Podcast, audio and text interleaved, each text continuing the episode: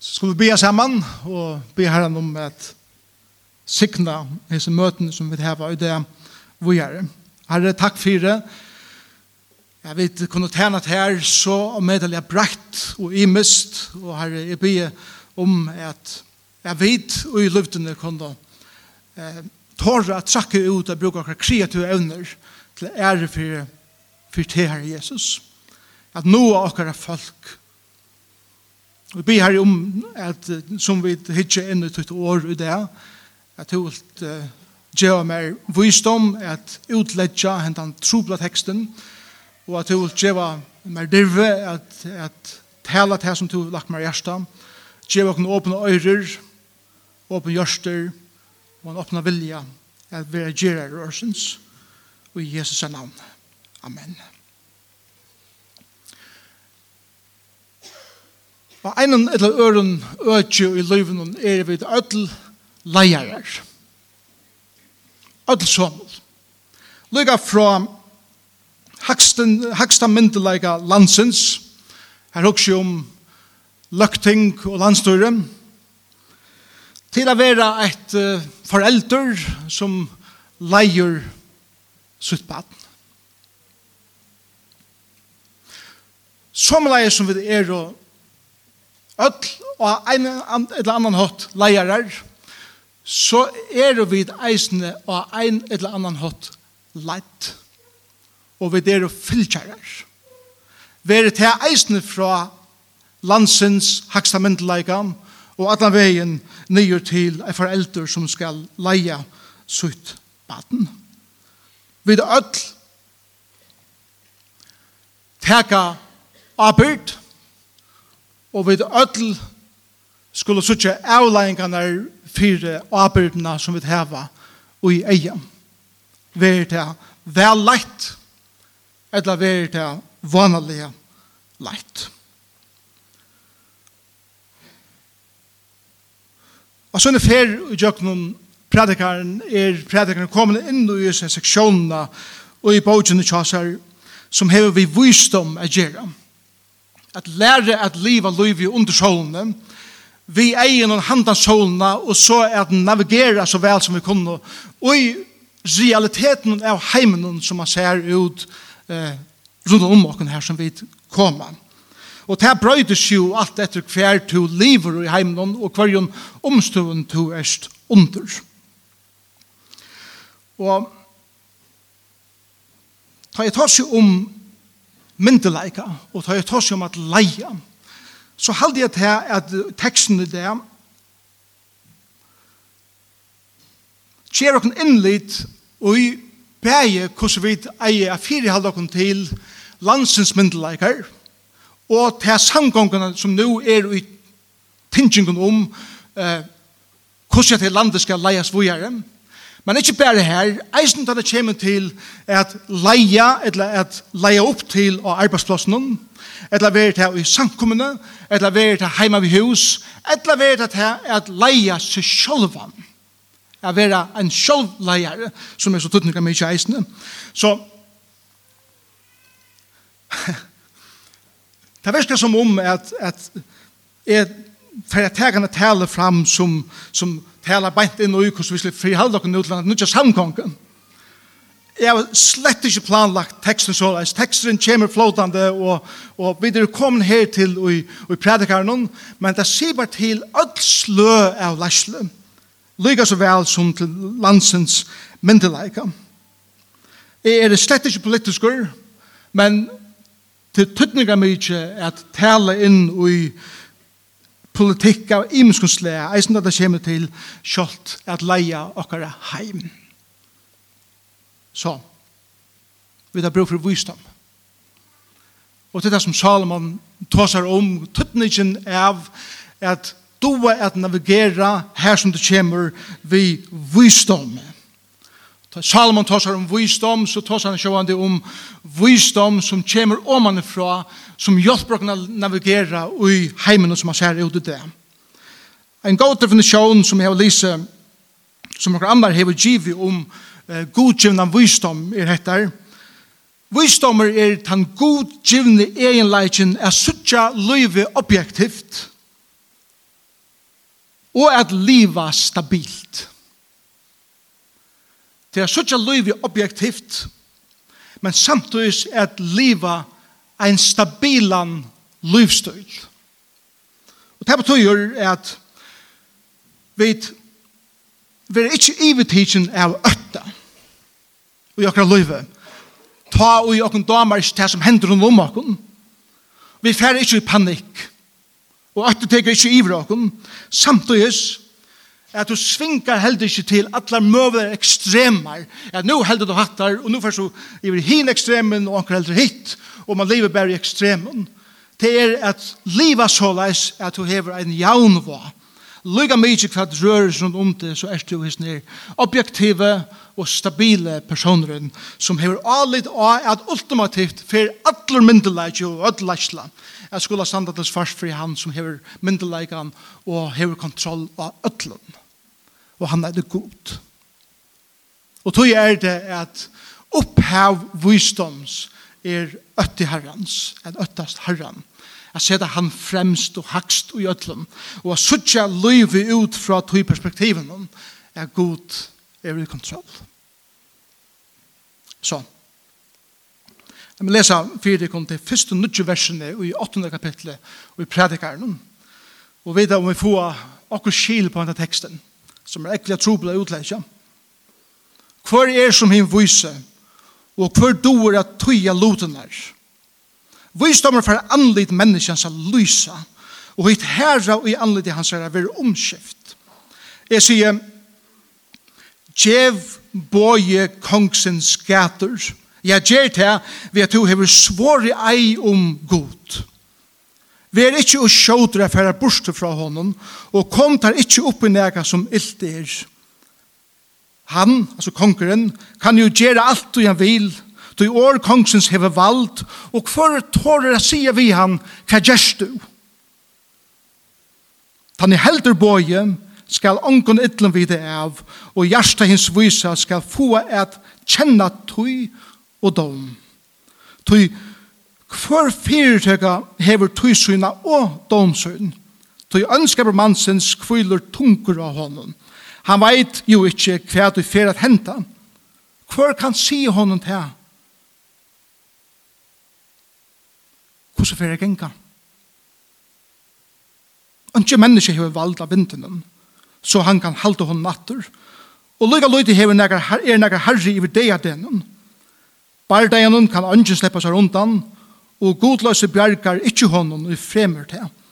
Hette har vi alt se, og jeg har givet meg fær om alt det som hender under solene.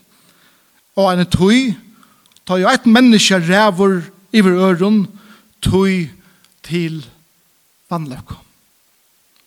Og det her er en sykna sitt år. Og i hessen teksten i det har vi eh, Jeg klarer meg ikke i høtten til Økslaviken at vi at Selv at han kommer fra 8. kapittel og 9. og 12. kapittel og i predikaren, man vet ikke hva vender opp og nye. Teksten er så omedelig at trobel og utleggja, og det tror jeg vi så lyde predikarer. Så er det kommet til fyra iveskrifter som jeg ikke stått at luta og i morgen, som gjør oss innlitt og gjør oss visdom hvordan vi leia og være leit eller fylkja og i ljósen av öllum tam områden som vi eh, forheld okkur til i gjerne. Det fyrsta som jeg hadde i suttjusen teksten om til dette, visdomur kjemur omanifra og innanifra. Visdomur kjemur omanifra fyrst, og så gjerne kjemur han inn og i og så kjemur han innanifra og ut. Som kjemur mer innlit og eisende og i innleden om glede. La meg forklare hva det, betyr, hva, hva det mener vi her. Hvor er som en vise, og hvor dår at tøya loten er? Sverre, han som fær visdom fra Herren, han som fær god kive innlid, han hever visdom. Året at tøya i hebraisk året perser, og han meinast simpelthen vi er at løysa eller at greia et landarmål som ikkje kan suttjast vi vanlige menneskelige egen. Du måst heva god kivi innlit fyrir at kunna tøya det som hender og i tøynun området eller i tøynun tøy. Ein høvender sier så leis det er å kjenne skinsemme og det her skinsemme er et spel, eller samspel i middel intuisjon og intellekt, som finner nyer til rådene av omstøvnen som du beveger det ui. Og så sier han vågjere, en god leier spyr ikke bare kvæt og hvordan det skal gjøres, men han spyr alltid hva spurningene er. hva skal jeg leie, eller hva skal jeg fylte. En god leier fylte ikke bare streimen om, han reagerer ikke bare. Han hugsar om kvi han gjør det som han skal gjera, åren han gjør det som han gjør. En leier er ikke reaktiver, men han er proaktiver, tog at han ser langer. Det er som om at Gud djever okkon, tar vi fylgjast vi honom innlid inn ui hvordan støvan ui okkar heime er, tog vi får det innleide omanifra, og vi får den ui okkon, og vi lærer suttje objektivt inn ui henne heimen til Gud og bæra fyrir okkon, så hender nekka. Ta det så kom inn i okon, så kjem det ut at. Og ta sier Salman her beint, Vysdommer fer anlit menneskjans at lysa, og et herra og i anlit hans er vi omskift. Vi ørnøren. Om til leier og til tropult, og til er tungt. Gong du vi grån.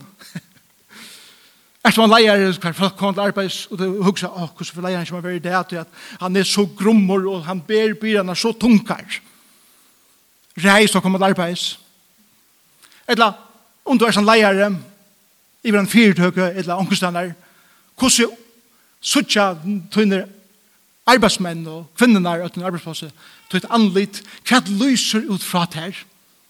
Er det glede, eller er det grumleidje? Visdommer tar man hever dette fra fer for er at lysa. Og så sier han, og til herra og i anlydde hans er verer omskift. Jeg elsker og i munnen arbeid. Ta og til dem som er fer omkring inn av kontoret og man ser hvordan ser man kroppet lika med er og anlite av ötlund trobleikene som ligger om Adamon og så da man arbeider vitt av og man, man fertala Guds år inn lus av Adamon er suttja rent fysisk mennesker brøytast og anlits uttrykket brøytast Jeg vet som tid han kan du oppleva det så at man, man ser omkran og man er sinne bekymrar om hvordan det ser ut. Og så knapple en dag i nekker vikers hettene så møter man samme vikommende og han eller hon strala Nei kan oppleva det? Og man sier hva er det hent? Og så forteller det søvnene at et eller annet kom inn mot liv som gjør det til at jeg fikk et nytt perspektiv på livet og det, det gammel glede. Til visdommer at man slipper å tale visdom inn i livet av menneskene til sakronøren, så brøyde det hvordan vi sitter ut. Og vi pjøser sutje så grånt er sutje virkelig deilig ut i morgen. Man pjøser sutje så grånt ut, ta i man fylkes vi gode.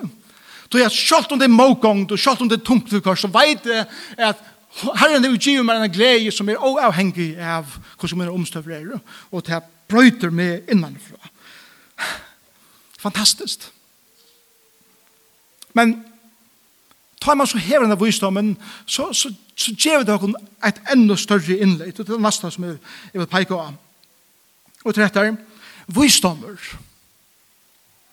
ser en større heilt enn bare bein framfyrir høtten.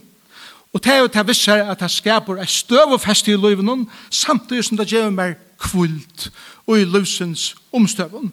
Da man leser fra, fra vers 2 til 5, Jeg sier djev boje kongsens gater, jeg gjør det ved at, at du har svåre ei om god. Vi er ikke sjådre for å borste fra hånden, og kom der ikke opp i næga som ilt er. Han hever jo, han kan jo gjøre alt han vil, du år kongsens hever vald, og hver tåra sier vi han hva gjerst du. Han hever, han helder boje skal ongen ytlen vite av, og hjertens vysa skal få at kjenne tøy og dom. Hva betyr hatt der? Det er innvikla vers.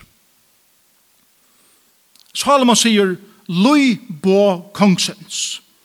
Fylg tøynum myndeleika etter. Det er det første som Salomon sier. Men det som er tro på for okkom, det er at Hetta verður sagt i en kontekst av monarki. Vi vet liva i demokrati.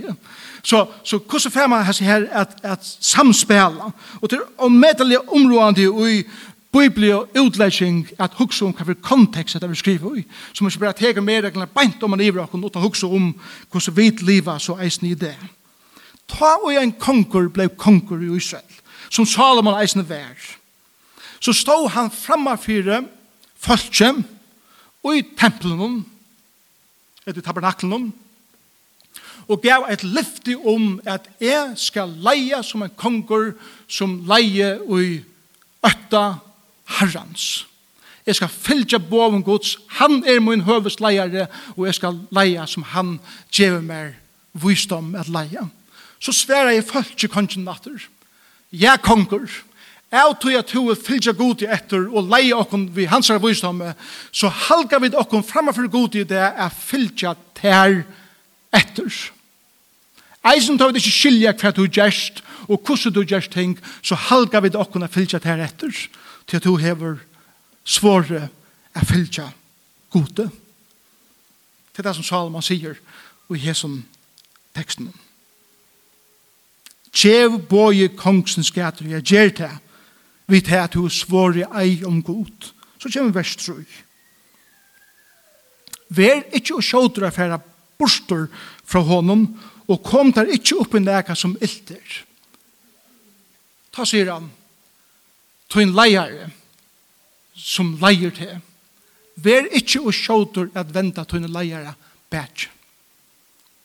Vær ikkje sjåter hvis, hvis, hvis du ikkje er samt ved et eller annet som han sier eller gjer.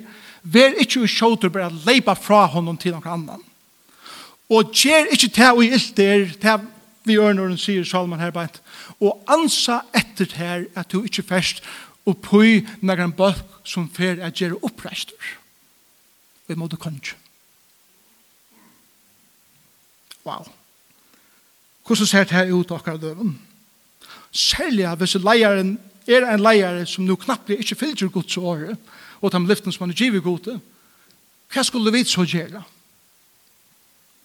Ja, det er Salomon sier etter, om du lever under en leier som du ikke er samtidig, og selv om du lever under en leier som du heldur er åretviser, leip så ikkje fram av. Leip ikkje fram av. Vent ikkje kongen bætje, og ivetek ikkje styr i hans herre. Kvoi? Teksten sier, han kan jo gjøre alt som han vil. Han kan gjøre enda av det. Han Ansa etter ikkje at færa i motor tøynun leiara, sier Salomon her bænt. Sjalt om det er tøyer hvert år åsamde vi honom, styr der æren til løyper i motor honom. Ta og i troblar tøyer koma. Bråd ikkje til lyfte som du vil give gode, men halvt lyfte gods. Og sjalt ta i tøyn leiare, etla tøyn stjøden, ikkje fylgje tøy som er rett. Halt til korsen i å og fylg, men gjer to det som er rett. Halvtid det som er snir teksteren sier okken. Det sier okken eisen rent praktisk. Vi tun stjóra av arbeidsplassen, eller vi okkar landsens myndleikar, eller vi okkar som er tun autoriteter, ikkje finnast eit ötlun, ikkje atla tøyna finnast eit tun som tun leirar gjerra, sjálft at ikkje skilt at det gjerra, Ikke være for sjåter at tale et alt, og ikke som teksten sier, ikke være for sjåter å si, hva gjør du? Vi gjør noen, ikke være for sjåter å fære ut av Facebook og ærestand der, at bare ledja alt møvlet ut som to helter skal sies. Men være der. Og huksa det vel om æren to taler at sjålt ta ut to erst osamter. Ikke finnast et ødlom. Og i stedet for at banna myskre, tendra heldur et ljós og liv som Daniel profetet gjør det i en tøy som han levde i hver hans herre herre og konger var han som hei drip i hans herre forelder så blei Daniel ikke bare ein av ötlun og han blei heldig som partisaner som tala i et ötlun men han levde viser Og han er givet god et lyfte om at jeg skal liva vel. Kjalt under en året for sin leier. Skal jeg være et ljøs, og jeg skal liva så vel som jeg kan. Det han sier i, i vers 5, «Tann i helter bøye skal ongen ytlen vid av. Vi gjør når han, tann som akkurat det som konger sier, tann i fylgjer tøy som en leier sier, og gonger ikke tøy imotor, skal ikke løy ilt. Det betyr ikke det at du kan missa arbeid. Det betyr ikke det at det kan, det kan genga til ytla. Det betyr bare det at du skal kunne legge den nyer av kottan og kvalitet og vita at forholdet med meg og herran er godt. Og det som er gjør som personer er ratt og til sikning for det som vi arbeider sammen vi. Så sier han i teksten og, og jeg, jeg sier det ved kvisporene altså kvøy, Ta det som Syrien i det.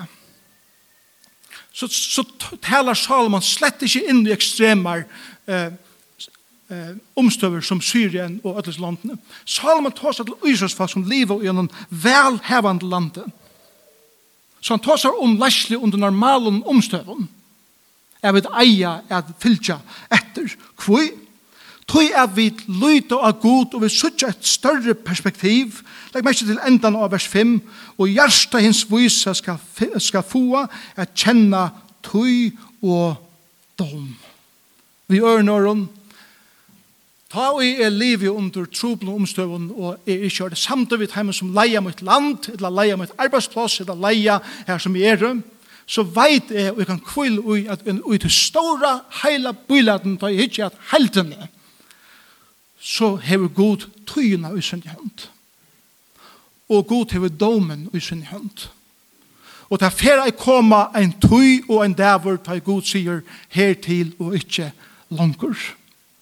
Trobleisen er bare tann at jeg er så ofte hoa leipa på muren fyrst framfor gode heldur enn å lære at boja til gode og lette han løysa tar trobleikanar og tar avbjørnkanar som er stand til fysi. Og hva gjer det? Det gjer meg kvult Ta i suttje en heldar mynd, og jeg veit at ui sunne tui skal god heva sin dom, og sier her til ikke langer så kvili ui at god skal tega seg av munnen omstøven. Til den neste. Det tredje, som jeg lærer i sin teksten, er hettar, Visdommer ser i flere flavon i senn. Han ser bare ikke, ikke bare helt der perspektiv, men han ser eisen i flere flavon i senn. Og det skaper ei mjukleika, og det skaper eisne voln. Vers 6. Tog for fyrir tøyk hever tøysyna og domsyna. Tøy ønskar mansens kviler tung av hånden. Han veit jo ikkje hva du fer at henta. Vi ørner om om det er en leier som ikkje lever rett, så føler han åren domerne kommer, er Guds hånd kviler tung av mer. Og jeg har ikke fri. Hvor skal jeg kunne si honom hvordan fyrir genga? Jo, det kan him vise. Han kan tale inn i sinne samtøy og sige, og i ljósen er tøy som hender her og nå, fyrir goda gruben og gjerne meg. Jeg fyrir livet rett, og jeg lyder og er god for at uten sutt endamål, og sin vilja og at han hatt som han matla seg. Daniel profeter kunde godt ha gjort opprester i Babylon. Og samla seg nærkere jøder som bestemmer seg til at færre måter kanskje. Hva hadde hent? Det hadde vært utrott der. Daniel levde i flere flavene sen, og han sa, han sa god til verska under iverflaten hva han gjør det, tog at han levde i en vittnesbord som har en nekst større makt enn at fære tseta eller fære gjøre oppreistor og at det sier imens og tingene Daniel var eimjukur David var eisen eimjukur med avur han tok ikke myndelega i sin egen hånd Einar fyrir heia møgulega at gjøre enda av Saul som røndi a drepa David. Det var i en geddi i nere ved deg havet. For Saul fyrir a latta seg av Og David og hans herre menn snøyja seg fram til han, og tar sier vi David, nå hever du møvleikene drepa kongen og blå kongen sjolver. Og David sier, hvordan kan jeg drepa Guds salvaja? Og han skær hotne av kappan om, til kjenne søvnen. Vi heldur det er visdommer i hessen her, Jeg sier at Gud skal tega seg av nekvån i sin egnet høy, og jeg skal vira til lyfte som jeg vil give gode at vera min myndelaika underskjøv.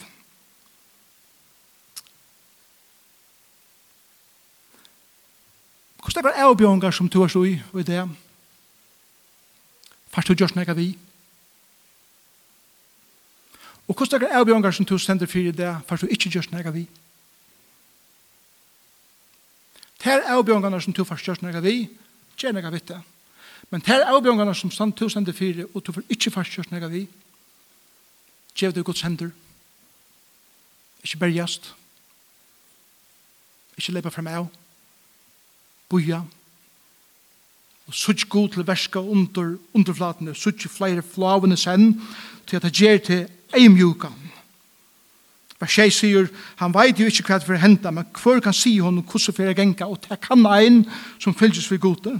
Ønske menneske hever valgt av vinden så han kan halte hon natter, og lyga lyte er negar herre iver deia den. Vi ørner om, tar alt kjem til alt, så hever ønsken okkara full kontroll. Lyga mykje hvordan en leiare leier. Så, så er det nøkker ting som man ikke kan styra, og nøkker ting som man ikke hever myndeleika iver. Og det gjør okkon eimjuk. Jeg vil mynd mynda. Du styrer ikke vinden. du styrer ikke den deg av deg. Du styrer, du så ræva nek som du ikke styrer, og vær du eimjukur. Sutt tunne veikleikar. Sutt veikleikar så ikke at du har veikleikar i livet nå, og avmarsjengar. En god leier er en leier som veit og kjenner og jottar sine avmarsjengar. Ta jeg måtte jotta til som leier i løvtene. Ta vær min frelsa. Ja, endelig kom jeg her til, kan man jotta i at jeg kan ikke være vi i ødelen. Jeg kan ikke styre til henne. Og jeg gjør det opp til herren. Det, det brøtte meg hjemme til åkken som familie. Jeg ble meg mer avslapp av år. Til min, min veikleik var jeg skulle være alle stender. Og ikke lære å utdelegere. Og ikke lære å si at det du er ikke. Hvis jeg skulle være han som organiserer i løvene, så er det ikke fantes for det. Men man løver øren at seppa for meg at, og, og gjøre til organisatoriska. Hvis jeg skulle være hire til øtlen som ganger løvdene, så er jeg ikke skilver jeg helder til at det klarer jeg ikke. Men da jeg kom her til at jeg innså at jeg, jeg kan, du klarer ikke å styre vinden, du klarer ikke å styre en gang en her samkomme. Du har bruk for fullt av folk rundt om ondt. Da kunne jeg slappe av. Og kvile. Og blive eimjøkker. Men vet du hva? Ei mjukleikjen gjever eisne vogn. Og til henne vognen om er god hever alt i sin hand. Og han skal teka seg av alt. God skal teka seg av kongenon, leiernon, på sin egna måte. God skal teka seg av til her hvordan du leier opp og hvordan du verer letter. Og den sørste som vi lærer i sin teksten, det er vers 9. Og det er at visdommeren lærer meg at det er avlæringar. Hvordan jeg leik. Hette har vi alt seg, og jeg vil gi meg færre om alt det som hender under solene. Og en tøy, ta en menneske, rævor iver øron, tøy til vannløkko. Vi heldur det som at det verset sier heter, at om ein leier leier såes at han misnøyder ånder seg sjølven til vinning, så skal han sjølver være dømt. Om du leier til folk såes, at du misbrukat hei for at litta til sjolvan opp, så sier som teksten at så er det bare spurgrunn tog enn god sier vi tutt liv hertil og ikke langer. Tog eier en leier at leia vi størsta varshemme og tog eier en leier at leia vi øtt Og til å si øtta så mener vi respekt for de menneskene som han leier, vidande at ødel har samme tøtning som er, og jeg har ångar rett til at misbruka ånder ut i hatten som er leie og på. Og tog halde jeg teksten det her sier vi okkon, lær og sutt langer og gypre enn bæra det som du sært vi egenom. Nummer 2, hoppa ikkje og kjøtt fra målgångt og ta et hørt åsamdur vi omkron, men halt av og livratt samtøys. Nummer 3, du og med om tunne egna liv, hvordan du lever, som leiare, eller som ein som vi leiter. Nummer 4, kjenn tunne avmarsingar, og tår og set år og navn av der. Og nummer 5, lyd av at god er suverener. Jeg lyd av at her fer jeg djeva okkom at en lyd som kommer åmannen fram som fer jeg djeva okkom glede. Det er min erfaring i tann at ta vi gengar rundt og finnast er at vera landsens myndleikar, eller vera okkar leiarar, og arbeidsplass, eller hver det som er, så kommer det et negativt mot som gjør okkar til negativ mennesk. Og det er omedelig skiande for vittnesbøren om Jesus. I halde eisene, at ta vi få visdom, få et nekst større og breiere briller enn vi sutja under solene ta vi hugsa om Guds visdom, at hitje inn i okkar omstøver. Og ta gjev meg støv og feste. Sjalt ta og ikkje samtidig vi imist. Så veit jeg hva er stande. Men jeg gjer ikkje oppreister. Så jeg veit at Gud skal tenka seg av det. Og ta gjev meg kvult. Ta køyrer ikkje blåtrusser seg mer opp hvis ikkje gonger akkurat som jeg vilja, Det er ikke. Av min arbeidsplass eller min land. Det Og nummer tre, jeg sutje flere flavene sen, jeg sutje god etter verska under iverflatene. Og det kan sutje kaotisk ut, men under, og i understreimen er god og gjerne noe fantastisk. Som han vil at sutt rujt skal jeg kjennes det av, og det gjør mer vogn. Og det fjore er at det gjør meg eimjukan. Det gjør meg eimjukan. vitande at jeg skal hitje etter meg selv om hvordan jeg lei. Og jeg tenker til mine løtene at jeg hitje etter min egna løy hvordan jeg lei hese samkommende sammen med heim som leier sammen med meg. At det ikke vil leit og en slugende hatt at vi leia såleis at det vil på bekostning av øre mennesker. Så kjøtt som det hender så vil vi sett ur okkara temast. Amen er samfunnet. Og tog er det så områdant. At høyre det som Salomon sier. Og i en samkomme er det så leis at vi er brøver og systre. Og vi kan tale inn løy til kvarnøren og djeva kvarnøren til visdommen som herren og djiva knøtlen om at herren hjelpte dere at liva rett i hesen land. Herre, takk for et år. Torr for å skilja akkurat det her som du har sagt til jokken predikaren.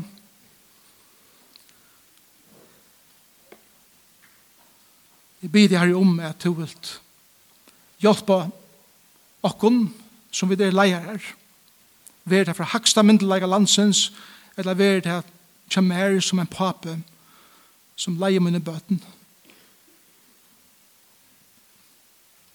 Gje okken visdom at fylkja, okkar myndelige, taim som iver okken er sett, vi er til arbeid, vi er til land i okkara, hjelp okken å ansette hvordan vi taler et, hjelp okken å ansette ikke færre vi streimen noen som fyrir rødlund, Hjelp okkene suttje vi tunn eion og at kvile ui at husk alt. Tega der av okkon og i tunne tui og at nekna hot. Og vi bi herri om at du vil hjelpe okkon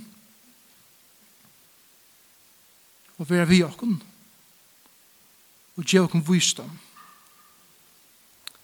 Hjelp okkon at liva og suttja liv objektivt samtidig som vi er og liva stabilt. Hjelp oss ikke å leipa frem av i øtta. Og hjelp oss ikke å leipa og og dette fra suje til suje alt etter som vinteren blæser. Men hjelp oss å være støvfest og stabil i okker liv som er her. Takk for visdom som du gjør oss. Hjelp oss å gjøre en praktisk an i okker liv og kvendt det. Vi ber her om at vi som samkommer tåra og doa over all ljós, atlasan her som vi kommer, og Jesus' navn. Amen.